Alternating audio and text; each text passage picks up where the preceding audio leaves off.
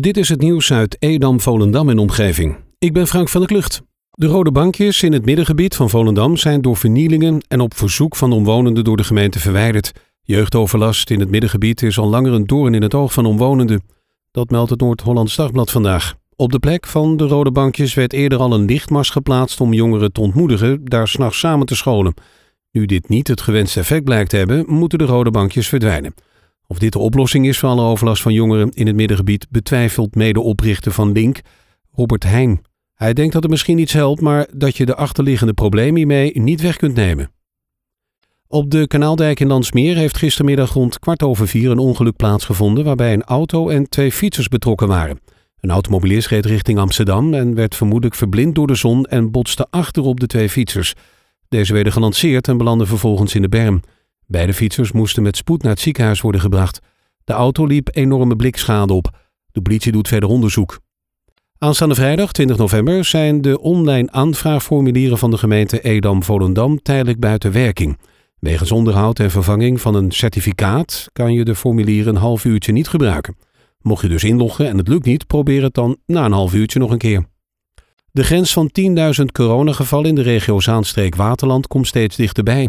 Tussen dinsdagmiddag en woensdagmiddag ging het totaal aantal besmettingen met 123 omhoog naar 9816, zo meldt het NAD.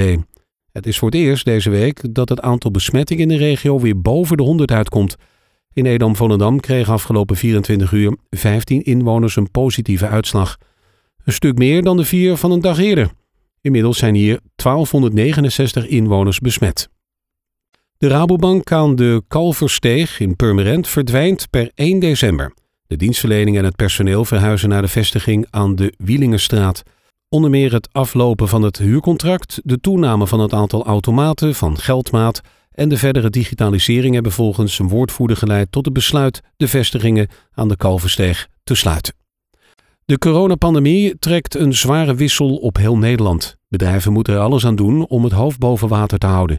Eerder dit jaar diende de VVD, ondersteund door Lijs Kras in de gemeenteraad, de bekende motie in over uitbreiding van terrasruimte in Edam-Volendam. Dat hebben BNB snel opgepakt. De regeling loopt tot februari. De VVD heeft daarom opnieuw een motie ingediend die het college van burgemeester en wethouders oproept de termijn formeel te verlengen. Daarnaast heeft de VVD gevraagd of in de winter op de dijk houten vlonderterrassen aan de gevel mogen zijn. De straatverlichting in Purmerend krijgt een nieuw besturingssysteem. De komende weken test netbeheerder Liander dit nieuwe systeem uit voor de gemeente. Het nieuwe digitale systeem biedt meer mogelijkheden. Zo kunnen ze bijvoorbeeld zelf flexibel de straatverlichting in een wijk eerder of later uitzetten. De testperiode is deze week gestart en duurt zo'n vier weken. En in de periode kan het zijn dat de straatverlichting op sommige plekken overdag brandt. Door de coronamaatregelen van de overheid mogen de amateurs tot in ieder geval half december niet voetballen. Wat eerder uitkomen tegen de betaalvoetbalclubs in het bekertoernooi onmogelijk maakt. Daarom is besloten om dit seizoen alleen met de profs verder te gaan. Het duel tussen Odin 59 en FC Volendam komt daardoor te vervallen. FC Volendam is geplaatst voor de tweede ronde. Na een uitstekende periode voor FC Volendam mogen zij komende vrijdag aantreden tegen de nummer 17 op de ranglijst Top Os.